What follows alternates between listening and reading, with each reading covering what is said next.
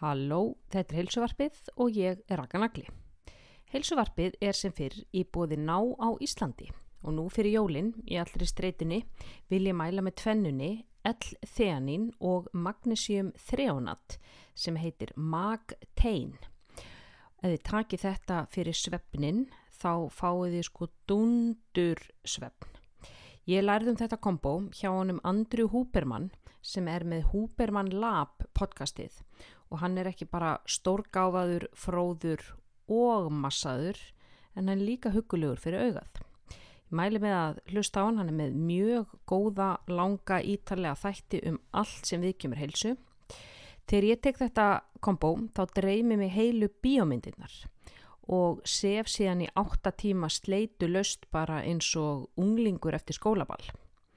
Þið fáið hvori tvekja í háverslun sem er á bílsöða nýju eða á háverslun.is og þar getið nota kóðan heilsuvarpið með D.E. í endan fyrir 20% afslátt frá, af öllu sem er frá ná.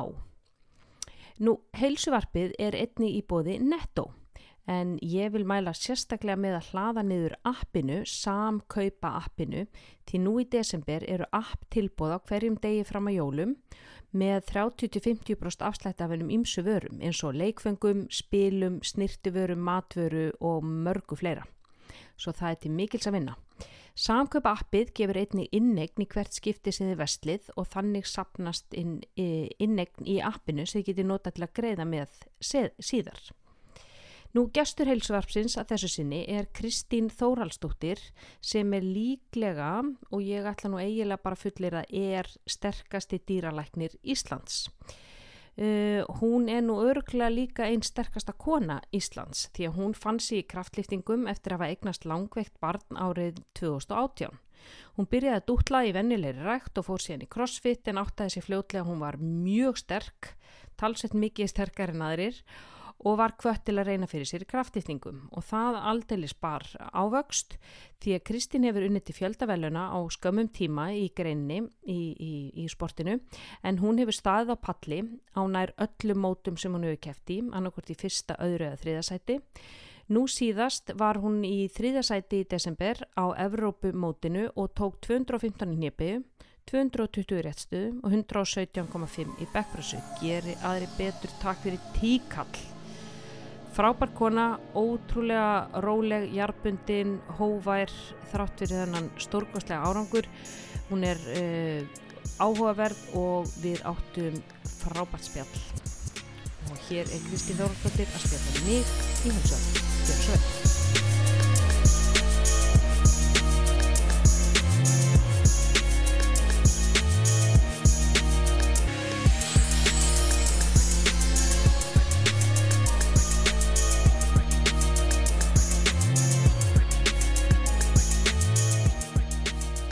Kristín Þóraldsdóttir, dýralæknir og kraftleikningakona.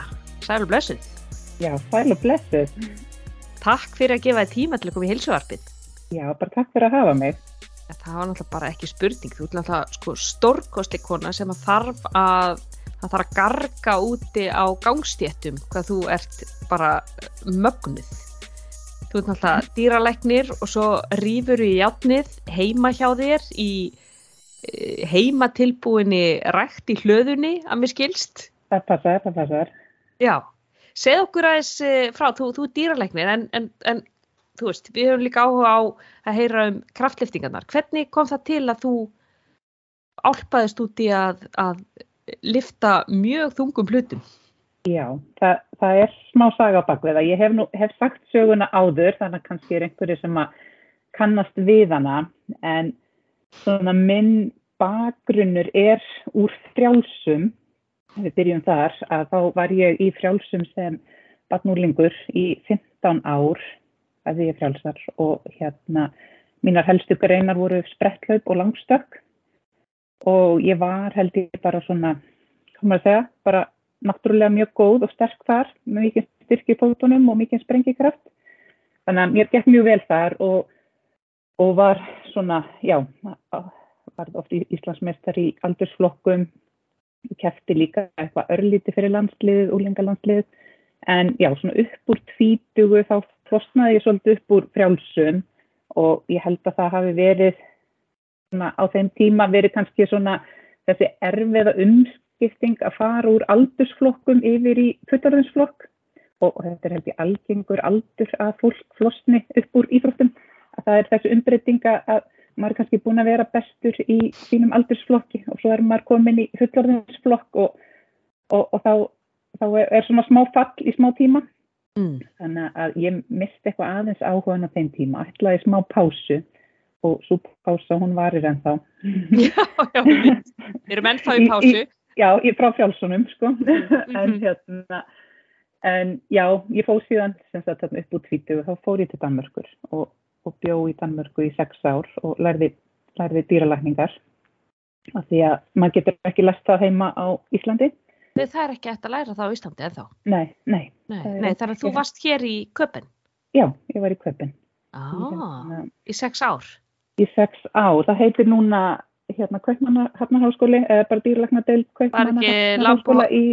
Lambohauskóli? Hér, hér den kongelíu Litni og Landbóhauskólin, já, er í Fredriksberg. Já, það sem að Rósihefn er. Já, já, oh. Ros, rosalega fallegt. Já, já. já. Þannig að, já, það var bara mjög, ég var mjög ána með, með námið og, og svo erum við með stórdýra spítala í Hói Tostrup mm, mm. Tostrup og hérna þar styrstu við að fara og sækja mentuna eða verkluðkennsluna í, í stórgripum en já og ég sagt, meðan ég er út í Danmörku þá er ég kannski ekkert að stunda neina, neina sérstaklega líkansrækti eða, eða reyfingu mm. uh, flytt svo heim uh, 2012-13 og þeir bara að starta minn að byrja mínum hérna ferli, eða þá maður segja starfsferli sem dýralegnir og, og fer aðeins í crossfit mm -hmm. þrjú ár og kannski svona, það er kannski svona örlítil kveikja í crossfitinu, þá, þá kannski teki fyrst eftir því að ég er kannski sterkari heldur en meðal kona bara, svona, ég, ég átti öll svona vott sem að innihjöldu miklar, eh, mikla vinnu með lóð eða þannig, ég var mjög góð þar. Ég var, ég var ekki eins góð í svona þessum fimmleika æfingum Já, svona uh, tó, tóstubar og, og því öllu saman Já, já, já, en, já.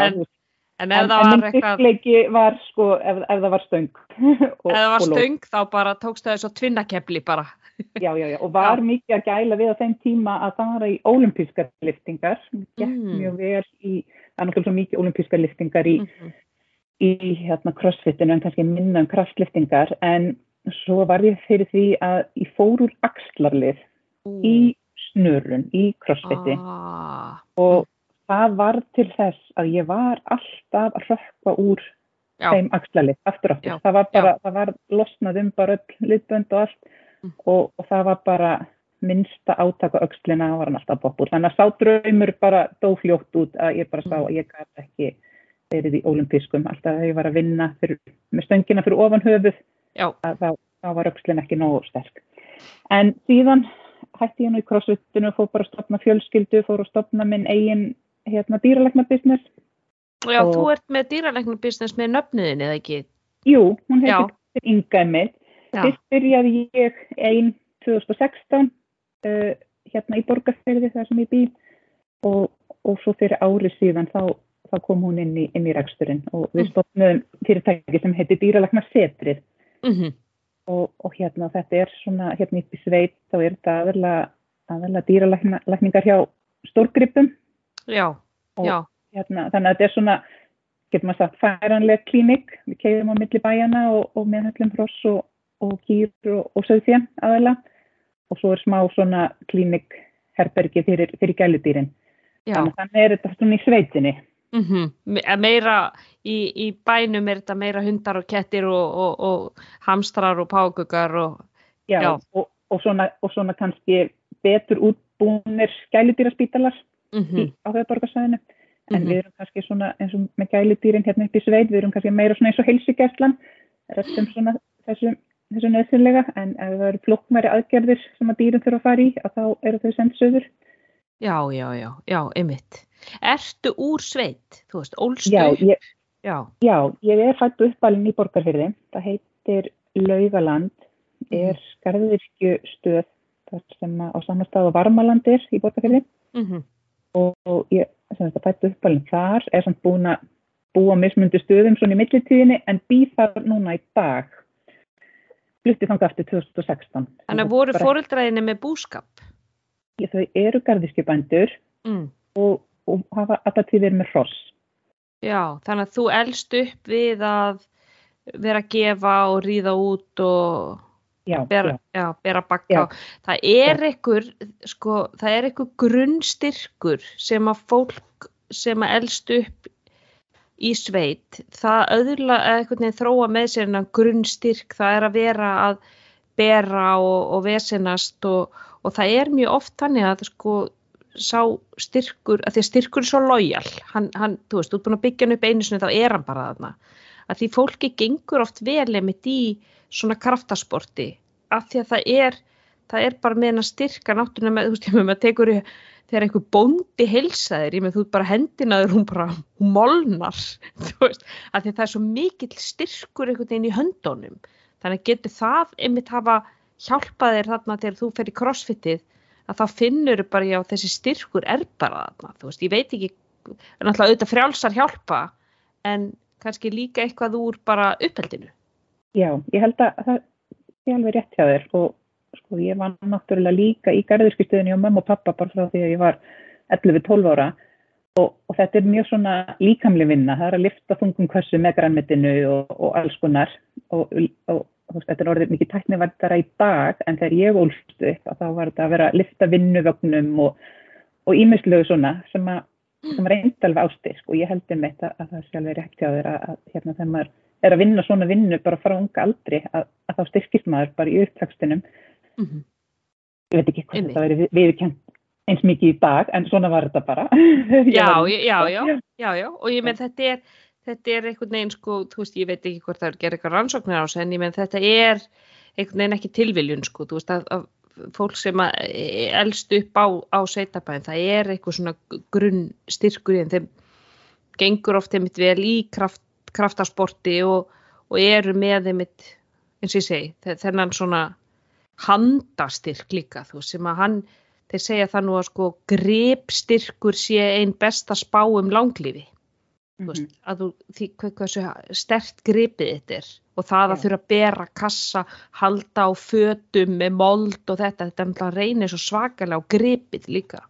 Yeah, en já, allavega en svo, sagt, þannig að þú fyrir að stopna fjölskyldu stopnar þitt uh, þína, þína, uh, þitt dýralækna uh, og er það, er það bara einn og og, og er flutt, flutt í borgarfjörðin fjörðin, uh, hafði, hafði unnið á Suðurlandi í mittiltíðinni sem dýralegnir aðeins og höfborgarsöðinu en ég eignast, ég á síðan tvo stráka og þeir eru fættir 2016 og 2018 og þegar yngri strákurinn minn fæðist þá, þá breytist margt. Uh, mm. svona þegar hann var nokkra vikna gamal þá kom í ljós að hann var ekki að ná svona þessum froska viðmiðum sem eru, eru notuð bara hjá, hjá unga börnum mm -hmm. og hann fer í heilmiklar skoðanir og það kemur í ljós að hann er með stökkbreytt gen mm. og er með mjög sjálfgæft heilkenni mm. og, og hérna og er sagt, helstu enginni heilkennisins er mikil froska skerðing bæði, bæði líkamleg og, og andleg og þannig að hann hann býr við föllun uh, á þessum tíma þá, þá náttúrulega vissum við að lítið hvað svona framtíðin myndi beri skauti þér meðan því að þetta er mjög sjálfkjæft heilkenni og hann var bara annars einstaklingurinn á landinu sem var greindur á þessum tíma. Uh, og hann fær, sko hann er fættur hérna mitt ár eða sumari 2018 og er komin með greininguna sagt, fulla greiningu í desember 2018 og þetta var náttúrulega bara svona áfall að, að fá, fá þetta því að við áttum náttúrulega ekki vona þessu. Og þetta byrjar svona eða á því að ég er bara svona að reyna bara að bara svona vinna mig út úr þessu og, og fer að mæta í bara rætt með því við mig að fara og seifa mig, eiga svona smá svona me time, eða svona minn tíma. Og ég fer hérna það, ég bý náttúrulega upp í sveit og það er svona smá uh, smá rægt hérna undir sundleginni hérna í sveitinni. Og ég byrja bara að mæta þar þrísar í viku klukkutími senn. Og er á einhverju svona prógrami fyrir mömmur sem eru, eru að koma sér í form eftir, eftir hérna meðgöngu. Og, og byrja bara þar. Og, og það er mikil svona lóðavinna í, í þessu prógrami og við eigum að fylla inn í skjál hvað við erum að, hvað þingdum við erum að lifta við hópurinn. Og, og þar aftur sé ég að ég er bara árálega mikið fyrir ofan þessar konur. En kannski var ekkert að pæla voðalega mikið í því á þeim tíma. Þetta var bara svona, já, mín leið að, að bara svona vinna mig svolítið út úr þessu svona sorgarferðli að fengi greininguna hjá stráknum mínum. En svo, svona fer ég að sjá þetta, ég bara er eitthvað eitthvað óeðlulega mikið herri heldur en þessar, þessar hinnar, hinnar mömmur mm -hmm. og fæ þá einhvern veginn, þá svona hugmynd að, að pröfa kraftlýftingar. Mm -hmm. um, hafði aldrei kannski pælt í kraftlýftingum, en ég var svo mikið meira að hugsa um ólimpískar lýftingar. Mm -hmm. um, vissi bara ekkert um kraftlýftingar, hafði enga tengingu inn í íþróttina, en það hafði verið nefnt við mig að ég ætti öruglega heima í þessari íþrótt. En ég svona, ég átti engar fyrirmyndir íþróttinni, Mm. hafði ekki sé mikið kannski konur stunda þessa íþrótt og, og svona var ekkert svona ekkert alveg að grýpa þetta fyrst. En það var á þessum tímapunkti sem að ég svona ok, ég, ég pröfa bara að skrá mig í fél og var eitthvað búin að vera á heimasíðu kraftlýstingafélagsins sá að það var eitthvað byrjendamót í april 2019 og skrái mig sem sagt í kraftlýstingafélagið á Akranessi því það er næsta félag við mig mm. sem er innan kraftlýstingarsambandsins en ég bý uppsveitum borgarfjörðar mm -hmm. Þannig svolítið vegalengtir í Akranis og Akranis Já, já, það eru alveg 50 kílometra svanga mm. sko. -hmm. en, en það er ekkert, ekkert kraftlýstingarfjöla í borgarnissi og ekkert nær mér þannig ég skrái mig þetta fjöla á Akranissi þú eru nú ekki að mæta á æfingar alveg strax að því ég vildi verða aðeins sterkari og svona eitthvað sem mm -hmm. voru samt kannski mistök því að ég átti náttúrulega bara að mæta strax og, og láta það góða fólk sem var hjá Kraftlýtingafélag Akranis hjálpa mér á stað mm -hmm. um, því að það, það er, er reynd fólk þar sem hefur, hefur eftir í mörg ár En er þetta ekki alveg típist, þú veist, maður heyrir þetta oft fyrir fólk að ég verði að koma mér í form áður en ég byrja í rættinni, eða áður en ég byrja í crossfit, eða áður en ég var að koma mér í form, þetta er svona eins og við, við tökum til áður en að þrifkonan kemur, þú veist, þetta er svona, af hverju, af hverju fer ég ekki bara í rættina til þess að það er fólk sem er þar til að hjálpa mér og við erum öllum, á öllum levelum þar já, og eins og segir þar var gott fólk sem að hefði getað hjálpað þér alveg frá byrjun. Já, þetta er einhvern veginn svona þessi þetta impostor syndrom sem við höfum einhvern veginn, ég á ekki heimaðan en þá Já, það var þannig einhvern veginn, svona maður var, var ekki alveg komið sjálfstrustið en, en í dag sér maður náttúrulega, maður átti náttúrulega bara að drífa þessu strax og, og hérna og ég myndi segja það við, við manninski í dag sem að væri að byrja að, að bara mæta og, og, og fá okkur góðan og reyndan til að hjálpa sér að stað En það liði þarna einhverja vikur að mánuðir þar til að ég þorði að, að mæta á mínu fyrsta æfingu og, og á skaganum og, hérna, og þá var ég bara að undirbúa mig fyrir þetta svona byrjandamót sem að ég er alltaf haldið einu svona ári og hérna þá var ég náttúrulega ekkert að beigja í dýft og þekkt ekkert standardan og reglurnar mm. og, þau voru aðalega bara svona retta því þarna vett vikurnar fyrir mótið. Já. Og, Þú varst ekki að taka, þú varst ekki að taka sko uh, löggilda beigur, ekki nóg tjúpar og... Nei, nei, nei, ég, ég vissi ekki betur þá sko að, mm -hmm. að það væri, væri eitthvað, einhver standard að maður ætti að beigja einhver ákveðna dýft og, og það væri einhverjar, hérna, væri einhver fyrirmæli frá dómara og, sem maður þurfti að fylgja og ímislegt sko. Þannig að því var bara svona retta þarna rétt fyrir mót og ég fór norður á Akureyri og kæfti á þessu byrjandamóti og, og var alveg opaslega stressuð og hérna voru nættið margir keppendur þá en, en ég lifti þá 150 kílóum í, í nýrbegju Já, sæl 75 kílóum í, í hérna backpressu og 150 kíló í, í réttu liftu Já, já, bara fyrsta móti, takk fyrir. Fyrsta, fyrsta, fyrsta móti. Þannig að þú spæð 370 í samanlöðu Já, 75, jú, eða eitthvað sluðið 375 í samanlöðu Já, getur það ekki passa. Já, já og hérna, já, þannig að þetta var, var svona frumraunin. Mm og en, en svona maður kannski í dag getur maður sagt að manni finnist, finnist þetta krútilega tölur með að við hvað maður er að lifta í dag. Já, fjórum árum síðar. okkur hinu finnst þetta nú kannski ekki rosa krútlega tölur sko, þú veist, þetta er náttúrulega bara impressiv sko að 150, 150 og 75 í, á fyrsta móti bara og einmitt og viti ekki einsinni sko hva, hversu djúft ég á að fara eða ekki verið með tæknin upp á tíu og bara svona, já, já, ég bara þetta rettast bara Já, þetta, þetta er svona, þetta er svona gráslapp sko, en á þessum tíma, þetta var sem sagt í april 2019 og þá er ég sem sagt 35 ára gömul þegar ég Mhm. kepp á mínu, mínu fyrsta kraftlýtingamóti. Um, síðan kepp ég á öðru móti um haustið sem er þá að með minnir Íslandsmeistaramót.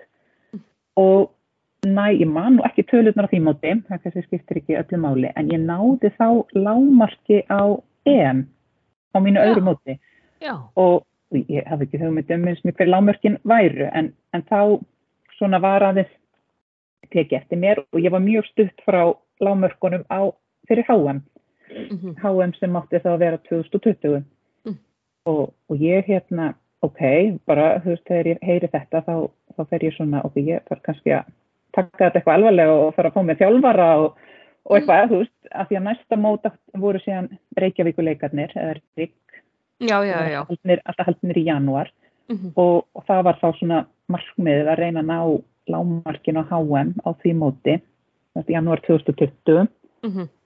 og nokkru mánuðum á undan þá hafði ég séð hérna baráttu á HM 2019 í mínum þingdaflokki sem er mínus eða undir 84 kílóum.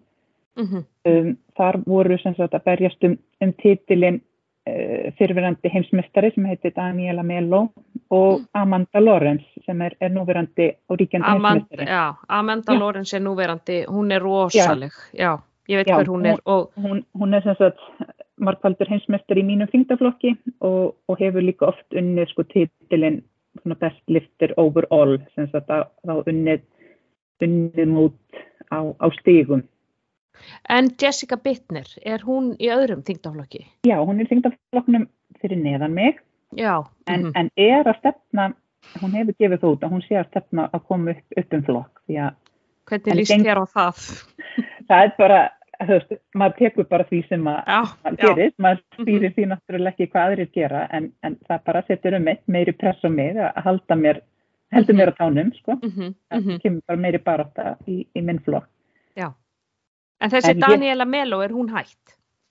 Já, hún sko, það var, það var kannski önnur, önnur hliðarsaga en svona í stuttumáli þá var smá klopningur í, í bandarísku deildinni Mm. og, og hluti er sem sagt, maður þess að gamla bandaríska kraftlýftingasambandið eða gamla bandaríska kraftlýftingasambandið fór úr EPF sem er alþjóðlega Mm. mm. kraftlýftingasambandið sem ég keppi, keppi innan og, og það var stopnud önnur deild í bandaríkjónum sem er EPF og Daniela Melo sem sagt fór ekki með í nýju deildina, hún er í gömlu deildinni og Mm. keppir því ekki lengur í EPF Mm. En- en hefur nú samt talað um að hún muni koma aftur.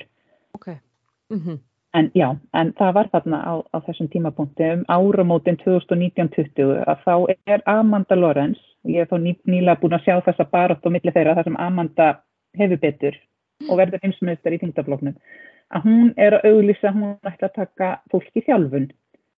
Og ég pröfa bara að senda henni tölupost og, og hún vilja þjálfa mig og ég þurfa að ná þarna, sér stefna að ná þessu lámarki í janúar. Og hún tekur mig í þjálfun og ég er náttúrulega ægilega ægilega montinu við því að hún vilja þjálfa mig og, og hérna á þeim tíma var ég náttúrulega bara einhver nobody sko. Mhm, og við náum þessu, þessu lámarki í, í janúar á, á Reykjavíkuleikunum uh, en svo náttúrulega verður ekkert heimsmyndstaramót 2020 út af COVID. Þannig að ég var komið lámarkið en, en mótinu var náttúrulega frestað.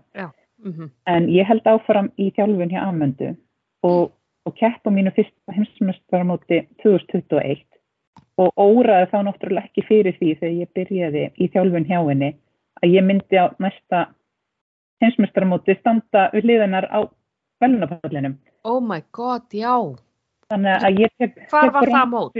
Það var í Halmstað á, í Já, í. Svíþjóð, já. Mm Já, og ég tek bronsið sem sagt á mínu fyrsta erlenda eða alþjóðlega móti. HM í, í Svíþjóð 2021. Og, og það var náttúrulega rosalega, bara komur að segja, byrjun fyrir mig eh, Vá. en, á stóra sviðinu, sko. Og, Þriðja sætið á fyrsta HM. já, og, og hérna, og bara ofta um silfrið á, á því. Mm. Mm Hver var í öðru sæti? Uh, hún, hún heitir Angelina og er rústnesk Mm. þannig að hún hefur ekki verið að keppa núna síðustu ára síðan hérna stríði í Úkrænu byrjaði þá Mm. hefur rússum verið meinu þáttaka Mm.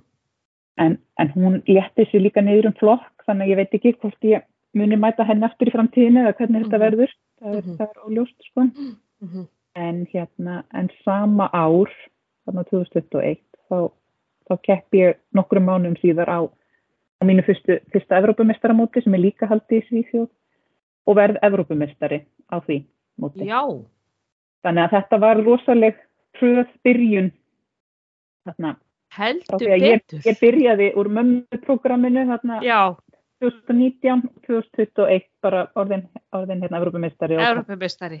Takk og, og, fyrir.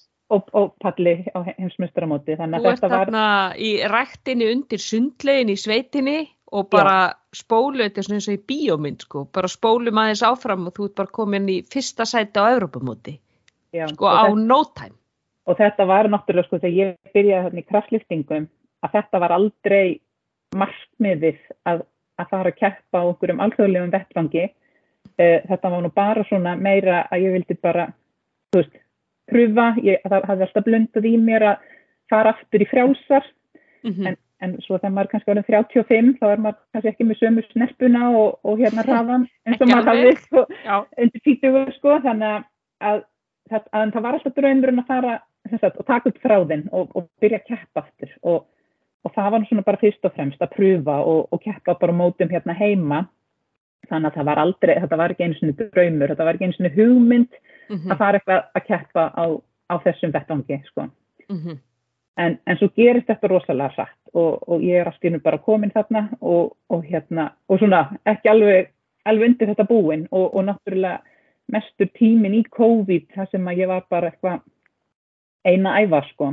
Hvar varstu þá að æfa? Hvar hafðir aðstöð til þess að æfa, þú veist, kraftliftingar? Var, var, var sundlegin, allar var sundlegin undir, nei, ræktin undir sundlegin svona vel útbúin fyrir, Nei, sko, en svo er það þannig með kraftliftingar að það er svona, maður getur byrjað nokkuð vel sko ef maður er með bara bekkstöng og, já, og rekka og, og lóð Mhm, og það var mhm. það sem maður var þarna í, í ræktinu en bekkurinn var ekkert kannski í löglegri nei, þetta var ekki keppsbekkur. Nei, þetta var ekki keppnisbekkur en, en þarna byrjaði maður og, sund, og þessi rækt var opinn svona aðeins framan af en síðan þegar lokanirnar byrjuðu að Mm. þá, þá var náttúrulega loka þarna en þau hjá kraftlýftingafélaginu á Akranesi þau fengu undan þá fyrir okkur svona keppnisfólkið og við stuðuna eitthvað þang, þar. Mm. svo fekk ég lánaðan rekka og aðeins af lóðum og, og stöng til þess að vera með heima. Já, mm og, og fekk bara þarna verið í hlöð, gammalli hlöðu hjá pappa með það og, og æfði þar mikið 2021 í COVID-inu. Uh, Mhm. og það var líka, já, og, uh, það byrjaði 2020 og fram til 2021 af því að það var alltaf þetta heimsmystaramót sem ég var komið lámarka og var alltaf að dasgra en það var alltaf verið að fresta því og það var voðalega óvissa en maður vildi vera tilbúin þegar, þegar það kæmi raunverulega á dagskrá sko. -hmm. að maður hjælt bara áfram undirbúa sig um, og, og ég gætt mætt svona, ég, ég hef alltaf farið kannski tvisvar í viku á skagan til að æfa, Já, eh, bæði bara upp á félagskapin og líka til að fá aðstóð í þingri liftunum, já, já, fá spottið og, já, já, já, mhm. Og, og svo bara svona peppið og félagskapin, já En- hann, hann, hann bætir á stöngina, félagskapurinn. hann, hann bætir algjörlega, algjörlega, en, en ég kom upp þessu svona hlöðu gimmi hérna heima Mhm, mhm. og, og hérna, Og þú, það ég er- las eitthvað starf þú hefði fengið sko alvöru, þú veist, keppnisbúnað af því að þú hefði runnið eitthvað mót, að þá hefði fengið afslátt eða eitthvað svo leis. Já, já, það er rétt. Þegar maður, hérna, þegar maður kemst á palla HM þá fær maður örlítið vel, verðlunafjö og ég notaði það verðlunafjö og notaði það líka bara þann vettvang að, að ég var hérna Evrópumestari og, og fekk afslátt eða svona smá styrk frá Eleiko í, í Svíþjóð og Mm. kefti mér keppnisrekka og stöng og lóð Mm -hmm. þegar allt opnaði eftir COVID þá þurfti ég náttúrulega að skila rekkanum sem ég var með í láni frá Mhm. kraftlyftingafélaginu ágrænissi að þá kefti ég mér, mér eigið dót og, og hérna og fekk hérna góðan díl hjá, hjá þeim um, og, og þetta hefur verið alveg nöðsynlegt fyrir mig því að ég bý hérna upp í sveit og að þurfi ekki á hverjum degi að keira 50 kilometra tvisasunum eða fram og tilbaka og mm til þess að geta æft að geta tekið stittri æfingadagana hérna heima sko. og, og ég reyni ofta að gera þannig að ég býð mér kannski til langt hátegisli eða eitthvað svoleiðis og tek, tek þessar stittri æfingadaga bara í hátteginu Mhm. milli verka hjá mér í vinnunni. Af því þá er ég líka meira laus á kvöldin þegar strákarnir eru búinir í skóla og, og leikskóla til þess að eigða tíma með þeim. En, en þegar ég fer á Akranes þá æfum við oftast á kvöldin. Æfingatímanir þar hafa, hafa verið á kvöldin. Þannig að tvisar í viku hef ég farið þanga hefur verið svona rútínan Já, ég með það er einmitt eins og segið, þú keiri 50 km fram og tilbaka, þetta er 100 km pluss æfingatímin, ég með þetta er, þetta er ekkert smá, engin smá tími sem fer í þetta. Já, það er Já. það sko og maður, þegar ég fer út á skaga ég er aldrei að æfa stittur en tvo eða tvo og halvan tíma, eitthvað svo leið Mm.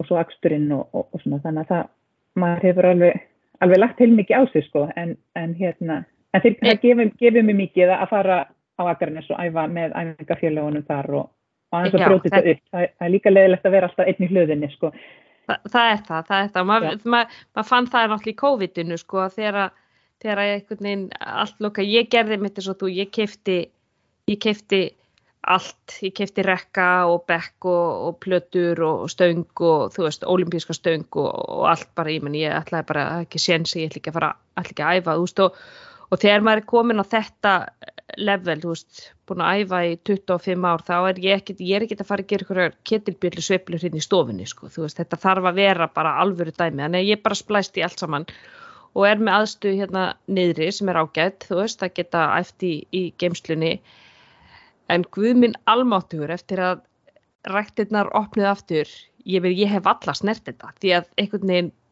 einmanna leikinn þarna niðri, bara ég er ennþá með smá tráma eftir það sko, þú veist, bara fara þarna niður og finna lyktina er bara svona, já, þe þetta þú veist, ég ger þetta ef ég kannski er að fyrir flug eða þú veist eitthvað, ég meina gott að geta hent sér í þetta en maður vill félagskapin, maður vill fólkið í kringum sig og, og þú veist, fyrir mig er það að hjóla í fimm mínútur í rektina, þú veist, en fyrir þig, þú hefur ekki tök á því, þú þarf að keira keira vegalindur og þú ert með tvö börn og þú veist, þannig að það er ekki, er ekki bóði þannig að hafa þetta bara þarna við hliðin á þér, bara heima náttúrulega breytir öllu og að hafa topp aðstöðu líka. Hvað ertu með, hvað, hvað fara þingdirnar upp í, þú ert með?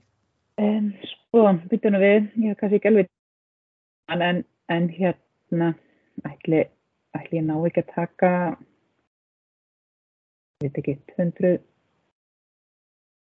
200, hvað við skjóta 260 eitthvað hliðis, 80 Já, en ég, náttúrulega, ég á, á náttúrulega ekki, ekki þær tölur en, en ef ég myndi nota öll lóðin þá get ég unnið upp í það já, já þannig að já, ég kefti mér, keypti mér hérna alveg, alveg, alveg gott sett af, af lóðum sko Var þessu, var þessu komið þetta utan eða gastu keft þetta á Já. Íslandi? Það nei, utan? nei, já, ég kefti þetta bara beint af Eleiko, Hvað er leiko í Þýskaland? Nei, í, já, í Svíþjóð, já. Þeir, eru í, Í þeir eru Svíþjóð, í já. Halmstad. já, þeir eru í Halmstad þeir heldu heimsmyndstaramóti 2021 Já, þeir heldu það, já. af því Nota að það, þeir- það Já. átt að vera sko í Hvítarúslandi og þeir voru nú ekki að taka COVID mjög alvarlega á þeim tíma og, og, og eitthvað svona og það, það gekk ekki að halda það þar og það voru einhvern veginn engar þjóðir sem að tristu sér til þess að halda mótið með stuttum fyrirvara og þá var það í rauninni Eleiko sem held mótið en Mm. með, það var held ég ekki sænska sambandi fyrst og fremst sem held að heldur sagt bjóð til aðstöðuna og, og arrangeraði því svolítið sko. Já, já, og fyrir þá Bara- hlustendur sem ekki vita, þá er Eleiko, þeir eru framleiðendur af, af sérst, pl- uh, lóðaplötum og, og rekkum og þetta er, er, þetta ekki, þetta ekki notað á öll, öllum mótum? Er Jú, Eleiko mjög- plötur? Jú, mjög mikið og, og svo er líka stundum nota rók rók, einmitt, þeir En náttúrulega Eleiko- amerískir. en Já. Eleiko hefur, hefur verið meira nota af þeim mótum sem ég hef kæft á. Já, Evrópu og já, ég meina það er allt eins og í ræktinni hjá mér, það er alla blóðaplötur og allt, þetta er allt í leik og, enda náttúrulega er í Danmörku og bara næsta, ef maður sér eins og crossfit leikunum og svona það er allt rók, það er, er, er, er auðvitað náttúrulega amirist. Þannig, að, já, og, og hvað gerist svo? Svo ertu, sko, 2021, þarna er Já. það, já, og við erum núna 2023 og það er nú ímest, það er mikið vatnrunni til sjávar síðan. Já, ég hef kæft, ég hef kæft, kæfti náttúrulega bæði á, á HM og EM í fyrra, tók silfrið á báðum mótum Já, eh, á, á EM og HM í fyrra og, og kæfti á móti í Fraklandi sem var svona bóðsmót sem heitir Girl Power.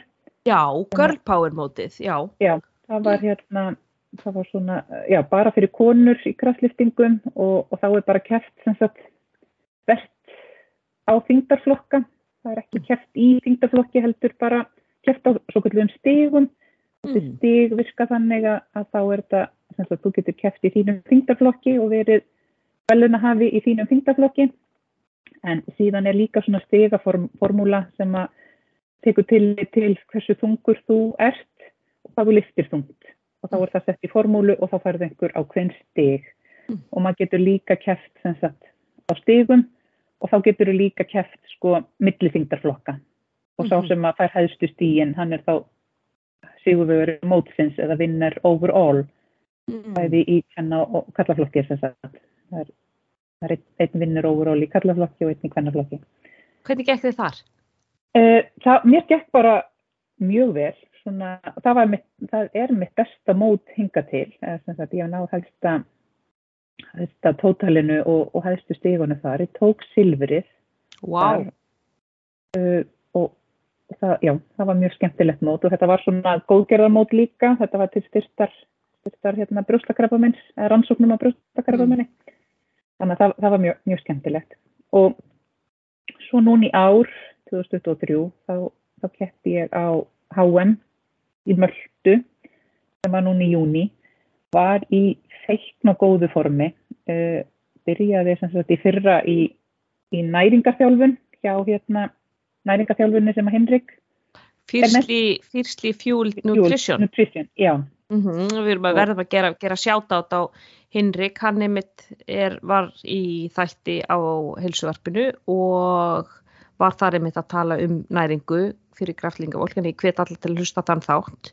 Þannig þú hefur byrjað í næringaþjálfu hjá honum eða hjá Nei, hann, hann var ekki orðið næringaþjálfari á þeim tíma. Uh, þetta var sem sagt á HM í Suður-Afríku 2022 sem hann fór að tala um þetta við mig að ég hefði svona, jújú, jú, ég hefði eitthvað eitthva talið svona makrós og svo leiðis en bara fengið einhverja formúlu en var ekki með neitt sko næringarþjálfara og, og við komumst að því þarna á HM 2022 sem að var í Suður-Afríku að ég var bara að borða allt og lítið sko. Mm allt, allt og lágar eða fáar kaloríur og hann fer að kynna þessa næringarþjálfum fyrir mér og ég er fyrst hjá, hjá konu sem heitir Pía en svo hefur hann tekið við mér núna í, í næringarþjálfun. -hmm.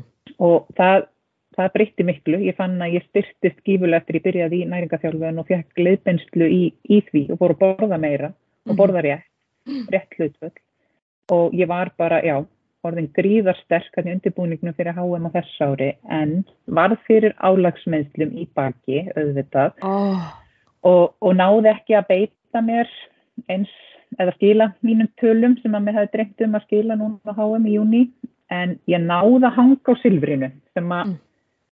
ég, var, ég var sem sagt stiguð önnur hæðst í mínum fengtaflokki inn á mótið og náði að halda því svona með herkjum. En, en náði ekki þeim tölum sem að ég, ég hefði svona dreymt um. Þannig að þrátt fyrir bakmiðsli þá nærðu samt að vera í öðru sæti. Já, svona, en, en það, var, það var alveg svona meiri baróttu um það sko. En vá, það finnst mér nú vera ansi impressiv árangur. að vera glímaði bakmiðsli og vera, vera með silfrið. Já og það var svona eins og ég segi þegar ég sá að, að ég myndi ekki ná mínum tölum sem ég hafði stemt að, að þá var það svona markmið, markmið að, að hanga á silfrinu. En, en það hefur bara orðið rosaleg sprenging í klassískum kraftlýftingum. Ég, ég sem sagt er í klassískum kraftlýftingum þá keppum maður ánbúnaðar í, mm -hmm. í nýjabæju backpressu og réttuðliftu en svo er líka sagt, í kraftlýftingum þar sem er lefur búnaður og, og það eru svona meiri vapningar og, og, og réttuðliftu brók og backpressu sloppur og þess aftar sem að sagt, lætur þig, eða þú veist, hjálpar þig til þess að lifta fingra og það eru sérmót í kraftlýftingum í búnaði og sérmót í kraftlýftingum, klassískum kraftlýftingum. Mm -hmm. Ég man þetta var kallað hérna í gamla þetta að lifta á kjötinu. Já, það eru klassískar. Já, það eru klassískar ánbúnaðar og svo ferði í þessa, ég átti, á, átti vinkonu sko sem að kæfti í kraftlýtingum og, og ég fór stundum með henn á mót sko svona í gamla þetta og, og hérna ég get nú satt þetta að hún á nú metið sko, hún á 150 backpressu, Íslands metið sem var reyndar ekki gildi lifta held ég. En hún, ég, ég var hjálpin í þennan backpressu sloppin sinni og mm. þetta er náttúrulega bara sko, þú þarf bara smuróli og skóhotn til þess að koma einhverjum í þetta hún, og þú veist, svo náttúrulega gæti hún ekki hreift sér, hún gæti ekki sko klóra sér í nefinu sko í þessu. Nei, akkurat, akkurat. ég hef, hef prófað þetta sko, maður er alveg reyður í þessu sko, og mm -hmm. þetta er ákveðin þetta er alltaf nú tækni að, að lifta í svona búnaði heldur en að lifta klassískar sko. Já, ég get trúið því, já. Allt í hennu getur þau svona gert þér í hugalundu hvernig konur upplöðu það að vera í korsilettu já, já, já, já. En, en já, en, þannig, þannig að þú ert náttúrulega hefur alltaf kæft bara á kjötinu. Ég hef alltaf kæft á kjötinu. Þá, mm -hmm. þá er bara, það er leifilegt sem sagt að vera í, að vera með belti, úlisvapninga og, og nýjallífar mm -hmm. en engan nýjavapninga og engan engan búning sem að gefur þið neitt ekstra. Við erum bara kæftum bara í svona samtestingi sem kallast singlet sem er bara mm -hmm. úr svona spandagstegi efni sko. Mhm. Um, og, já, og það er sem sagt er leiðilegt í, í klassískum. Og, og klassískar hafa vaksið rosalega núna síðustu ár og heimsmeistramóti sem var núna í júni var fjölmennasta mót innan IPF e frá upphafi wow. í, í klassískum og, og það var alveg tvöföldun og þreföldun í sumum þingdaflokkum af, af skráningum mm -hmm. og ég fann það til dæmis samkjæfnin í mínum þingdaflokki er að aukast sko, það er að koma svo mikið mikið af konum í, í, í, í sportið. Sem er náttúrulega bara frábært og mér finnst þetta að það aukist líka á Íslandi. Það er, er, eru margar konur sem eru farnar að keppa í kraftlýtningu. Það sem er gott líka við kraftlýtningar er að þú getur einhvern veginn byrjað svolítið sent á æfinni. Þú veist, já, þú ferð ekkit og, og keppir í sprettlaupi sko 35 ára en þú getur farið og keppt í kraftlýtningum sko alveg bara upp úr, ég meina maður að sjá öldungaflokka veist, komið yfir sko, ég held að verið á einhverju móti á svo sér flokkur fyrir 90 ára og eldri eða eitthvað, þetta, þetta er eitthvað svona alveg bara fára orðið alveg fáralegt það sem að þú, veist, þú getur verið í náttúrulega bara alla æfi fram á Já. bara gravarbakkan sko Já, já, og maður eldist vel í þessari íþrótt og, og getur byrjað hvernig sem er, ég getur nú bara, ég er nú bara dæmið þess að mm -hmm. ég byrjaði þarna 35 ára gömul og er farin að keppa alþjóðlega vettvangi fyrst 37 ára gömul mm -hmm. og er 39 ára í dag og ég er orðin löggilgur öldungur á næsta ára því ég er verða 30 ára yeah. ári mm -hmm. en, en maður getur keppt sem sagt í opnum flokki sem er sterkasti flokkurinn uh, og ég ætla mér að keppa þar áfram þó ég er stjórn löggildur öldungur að það má ég keppa áfram í opnum flokki mm -hmm. meðan ég hef erindi þangað en, en já, og, en eins og ég segi að þeir sem að þú getur líka bara keppt í öldungaflokki ef þú byrjar eftir færtugt að, mm. að það getur bara verið að keppa sagt, við tíma jafnaldra mm -hmm. En þú sagðir áðan Það er einstir möguleikar sko. Já, en þú sagðir áðan sko, þú, þú helst, rík helst í silfrið þráttir í bakmiðslinn uh, mm þú helst í þínar tölur, Hva, hvað tölur eru að tala um?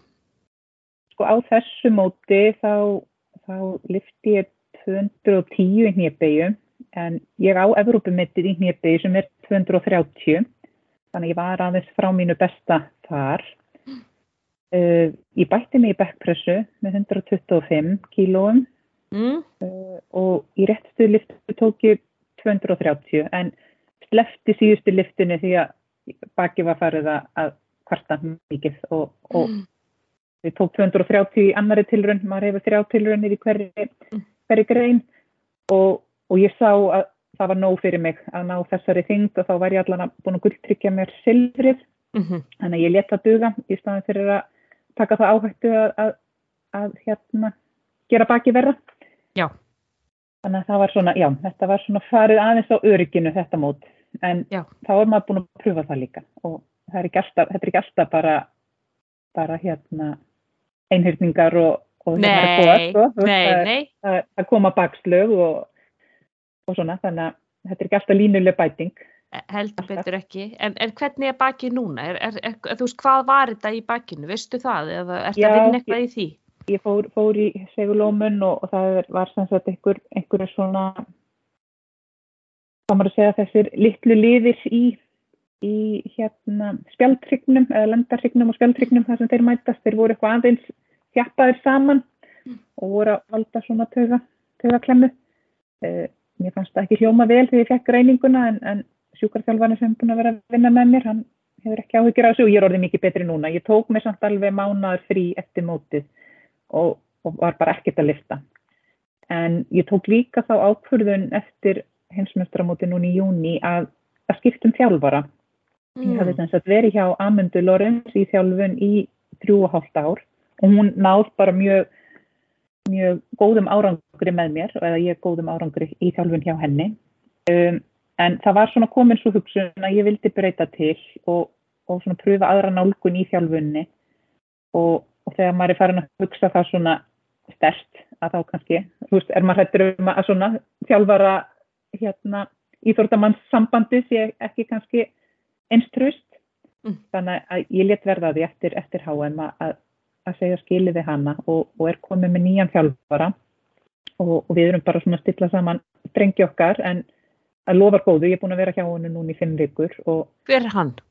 hann heitir Jason Chamblay uh, og er, er hérna þekktu þjálfari í, í kraftlýstingabransanum, býr í Kanada. ég, já, ég held ég að við hýrt þetta, nefn, ég hlusta svolítið ofta podcast sem að er með Erik Helms, Mm hann þjálfar held ég Jessica Bittner. Já, já. Og, En, en þessi Jason, hann er með hérna The Strength Guys, uh, það er hans hérna fyrirtæki eða, eða hvað maður að segja. Strength þjálfunar Guys, fyrir- ok, já. Já. mhm. Og, og við erum bara búin að vera aðverlega núna síðustu vikurna bara í svona smá endurhæfingaprógrami, uh, erum bara að lifta létt og hann er bara svona aðeins að kynnast mér og erum að fara gríðarlega mikið í tækniatriði sem ég hef þurft að laga. Ég vil dæmis sko, hnjepegjan er mín sterkasta grein eða ég er sterkust í hnjepeginni mhm. svona með, meða við aðrar og að þar erum við mest að taka tækninni gegn. Ég hef vitað af ýmsum tækniatriðum en aldrei einhvern veginn svona komist almennilega í það að laga það og vantað aðstof við að laga það. En hann er alveg að taka mig í gegn núna og, og við erum að laga tækni sem að, já, fyrir lengur að fara búin að taka í gegn, sko. E e eins og hvað? Hva- Hvaða tækni eru þið að vinna í? Uh, sérstaklega einn tækni sem að kannski ekki margir vita af að ég er rosalega skökk undir stönginni. Ég er sem sagt, hvað maður segja, ég lifti mikið meira með í rauninni hægri hliðinni og, Ah, og mei, eða sko, hvað maður segja, ég er ekki alveg bein undir stönginni, er sterkari kannski hægra megin og læt þingdina liggja meira sko þannig að hægri hliðin tekur meira af þingdinni en ég líka er alltaf ef ég fæ meðsli þá er það hægra megin í líkamannum. mm, Þannig að það var alveg vita að þetta var eitthvað sem ég þurfti að laga en, en þegar maður lagar þetta að þá þarf maður að fara náttúrulega skref aftur og bak eða aftur og við og létta þingdurnar mhm. og, og vera bara í léttum þingdum þegar maður er að laga svona teknatriði og þegar það eru búið að vera mótört að þá hefur maður einhvern veginn, að ég hef ekki tíma fyrir þetta núna. Ég, mm, veist, ég verða að halda áfram að vinna í þingdunum til þess að mhm. halda mér gangandi fyrir næsta mót. En við ákveðum sem að taka okkur núna að minnst að kosti hálft ár í pásu frá, frá mótum. Og ég stefnaði að fara næst á EM í desember á þessu ári ef, að, ef ég verð heil líkamlega og, og þá erum við bara núna þessar vikurnar að vinna í tækni og með léttarþingdir. Þannig að Hva- það er líka er það haldið?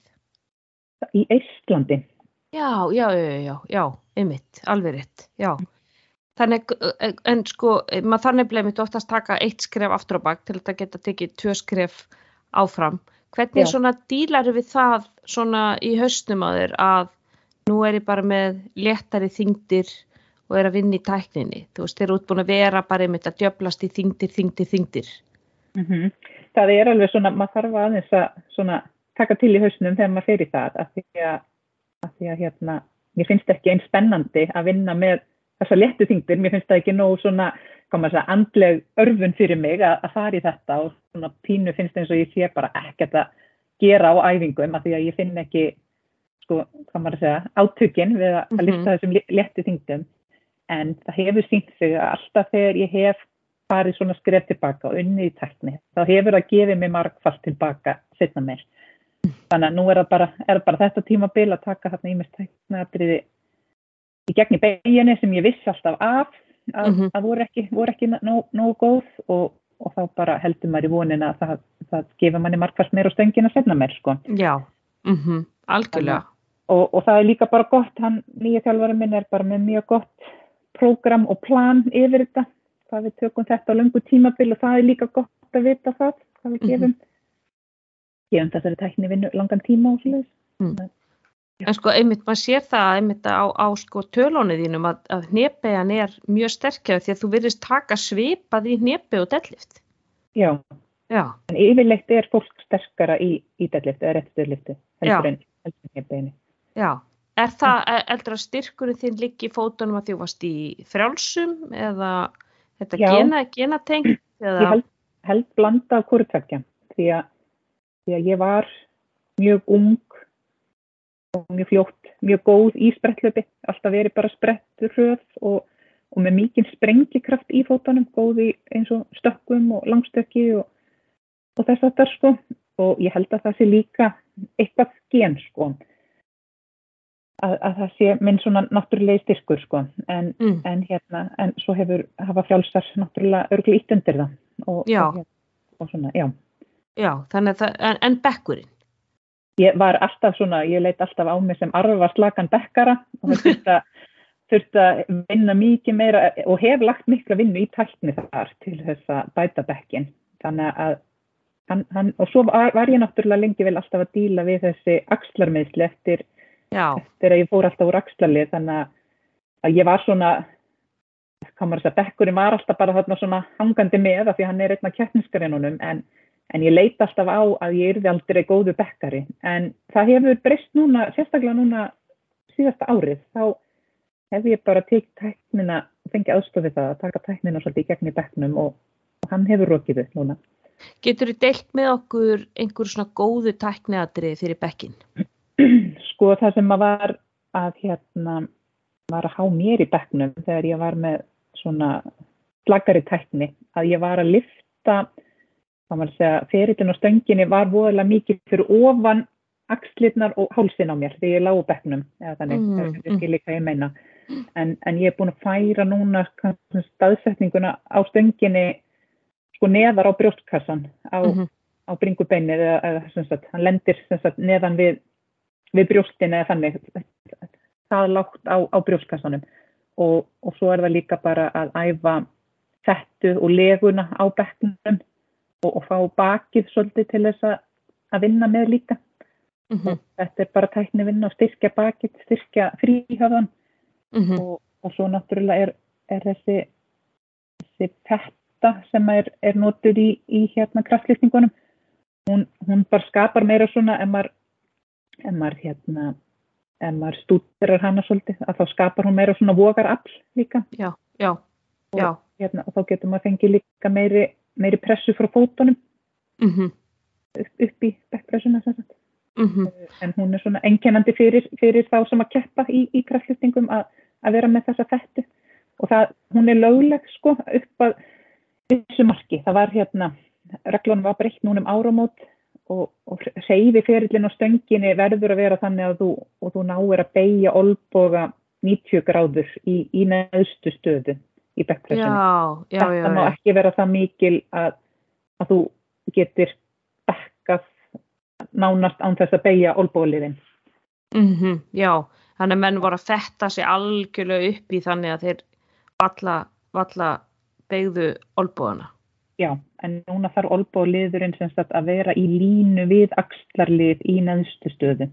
Mm. Og þessar breytingar byrjuðu að tóku gildum síðust ára mót en hafa, hafa ekki sett neitt eða ekki breytt neinu hjá mér. Var, mín fetta var ekki það öfluga að ég þurfti að breyta einhverju. En svo þarf alltaf að passa líka rassin sé, Já. hann fari aldrei af bekknum, hann sé alltaf Já. í kontakt við bekkin. Já, rass og, og höfuð, herðar, mm -hmm. Þurfa að vera alltaf í snertingu við bekkin, alla liftinni gegn og, og fætur með hælana við jörðina, þess að ekki, ekki fara upp á tærnar. Mm -hmm. En, en, en uh, segðum við með sko deadliftið, mm -hmm. þú veist, uh, að því nú tekur svipað í, í dett og, og, og beigjum um, hvað hefur, hefur þurft að í einhverju svona tækniðatunum þar? Þú talar um sko bakmeðsli Vor, var það út af dettinu? Já, það var eiginlega sko bæði dett og nýjabæjan mm. uh, og á mótinu sko núna háum í júni þá, þá var það há mér mjög mikið í bæjunni það fekk mjög mikið sársöka við að bæja í dýft eða beigja mjög djúft og það var náttúrulega bara svo mikil pressa á hryggjarlegunum en það gæti verið kannski samt að orsökin væru frá frá hnjabeiginni af því að ég var þetta með þetta tæknatriði að þingin mm. kvildi alltaf meira á hægri hliðinni og bakmeðslinn komið hægra megin og ég hef áður fengið bakmeðsli hægra megin mm. um, en, en þannig að ég held nú að, að orsökin sé, sé að hann að sé að rekja úr hnjabeiginni en en sársökin var mestur samt í réttuðliftinni mm -hmm. Og, og ég bara náði nánast ekkert að æfa réttuðliftuna í aðdraðanda HM á þessu ári. Já, já, já, það var svolítið að, stóla á hvað maður átti af styrk.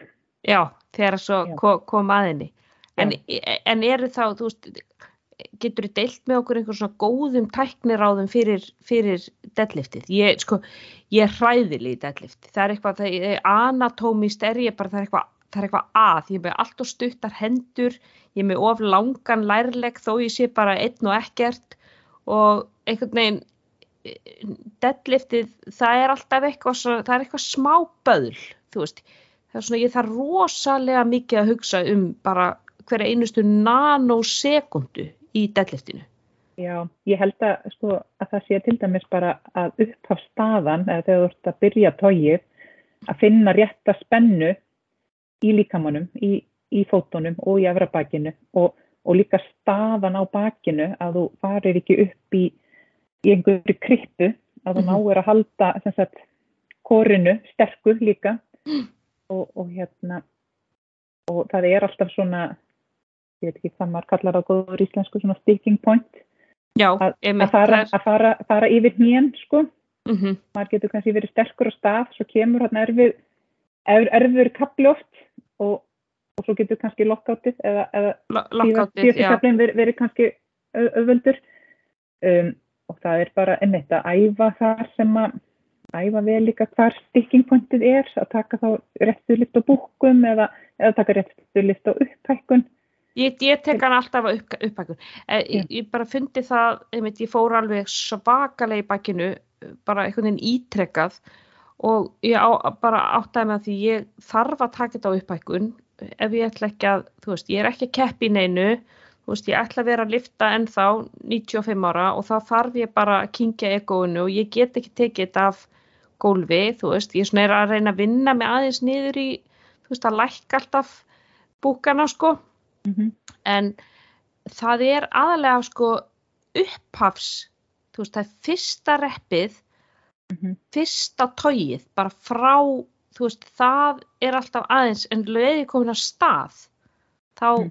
þá eh, einhvern veginn er þetta öðvöldara það, það, er þessi, það er þetta fyrsta tóg Já og það er bara passa líka þá að hafa bara góða spennu í byrjun og, og þennja þennja sig vel út í bestið mm -hmm. að kunna það líka, að nota belti til að halda spennu og, og svona líka, maður þarf að finna líka hversu látt eða hátt maður á að byrja með rassin, hvað, hvað hendar manni mm -hmm. þegar maður byrja, byrjar fyrsta tóið en ég, ég tengi alveg við hvað þú segir að stundum ef maður er að taka mörgur apps að þá er stundum fyrsta tóið erfiðast og svo er eins og þú komir svona ferli, svo nærðu að taka Já, repsin bara auðveldlega og klára sko. einmitt, kemur eitthvað svona momentum á þetta. Já, Já. já, Mhm. já. Þannig, og hvað er þá framöndan þér? Það er bara að halda áfram sem sagt, nú, nú er ég eiginlega vonandi að klára þannan endurhæfingar uh, fasa í, í æfingum og, Mhm. og fer það vonandi bara byggja upp fyrir EM í desember ef, allt, ef það kemur ekkert bakslag. Um, og ég er bara mjög spennt þetta er, þetta er, það er alltaf spennandi og að hérna eh, já, ég er mjög spennt að byrja hjá nýjum þjálfara og það eru svona öðruvísi áherslur og, en við eigum, eigum mjög vel saman þannig að ég er mjög jákvæð á, á framhaldi með það Já, um, eitthvað, eitthvað mót á, á dagskráni? Já, E- EM í desember í Íslandi Já, EM í desember á Íslandi, já, Já, einmitt. já. einmitt. það verður öruglega bara já, eina móti sem ég tek sem, sem eftir er að þessu ári sko. Já, já, einmitt. það verður brey, breyting núna um áramót EM hefur alltaf verið í desember og HM í júni en EM verður fært í að með minnir mars á næsta ári. Þannig að það verður stutt á milli EM. Það verður EM Já, 2023 í desember eins og það hefur alltaf verið. Svo verður EM í mars 2024 og HM í júni 2024 og þannig verður það að ég besti veit framvegis.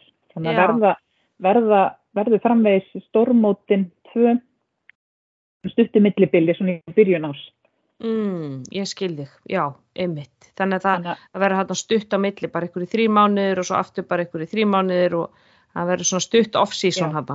Já, og þess vegna það, hefur, var það líka svona skynsamlega ákvörðin að ákveða að taka ekkit fleiri mót á þessu ári og eiga þá kannski möguleika að keppa núna á EM í desember, aftur í mars Já, og jafnvel svo HM í júni, ef maður, ef maður hefur tökka og taka öll mótin. já. Þú, þú gerir, þú rúlar er því. ágætt, að- ágætt að eiga svolítið off-season núna, ég hef ekki átt svona langt off-season í, í langan tíma. Nei, og vinna þessi mitt í tækninni og lifa bakinn Já. aðeins að jafna sig og Já. koma svo alveg dýrvittlaus, hafa fattaður þennan, Já, góður, til leiks Já. í desember. Já. Já, æ Kristi, takk hella fyrir að gefa þið tíma til að koma í heilsuarpi. Ég vissum að það eru margir sem hafa mjög gaman að heyra tína sögu og, og verða örglega að fá svona innblástur frá þér að það er aldrei á seint að byrja, þú veist, og við konur getum sko aldeilis rifið í játn og kalka okkur upp á bak og, og garga undir stöng og við höfum fullt erindi í, í kraftasportið. Algjörlega og það er Mm. bara komið fullt af konum í, í sportið og, og bara endilega ef það blundar í, í einhverju konu að koma að, að hafa samband og Algjörlega. Hva, hvernig, getur, hvernig getur fólk fyllt þér eða sé hvað þú ert að gera? heyrðu ég er á Instagram aðalega sem dýralæknir eða sem sagt Ok, heitir bara mitt- dýralæknir. Já, heiti dýralæknir eða, eða það er líka að finna með brundir Kristín Þóristóttir Já. og þar sín ég bæði frá, frá liftingum og stundum dýralæknastarfinu og, og móðlutverkinu og svona ímyndlegt í bland akkurat, sína Já. það. Við, þú ert að halda mörgum boltum á lofti eins og, eins og flestir og getur komið þessu öllu inn í dagskrána. Já. En uh, takk kærlega fyrir að koma í heilsuarpið og til ykkar hlustendi góðir. Takk kærlega fyrir að hlusta og þangur til næst. Verið þið bless. Já, takk fyrir mig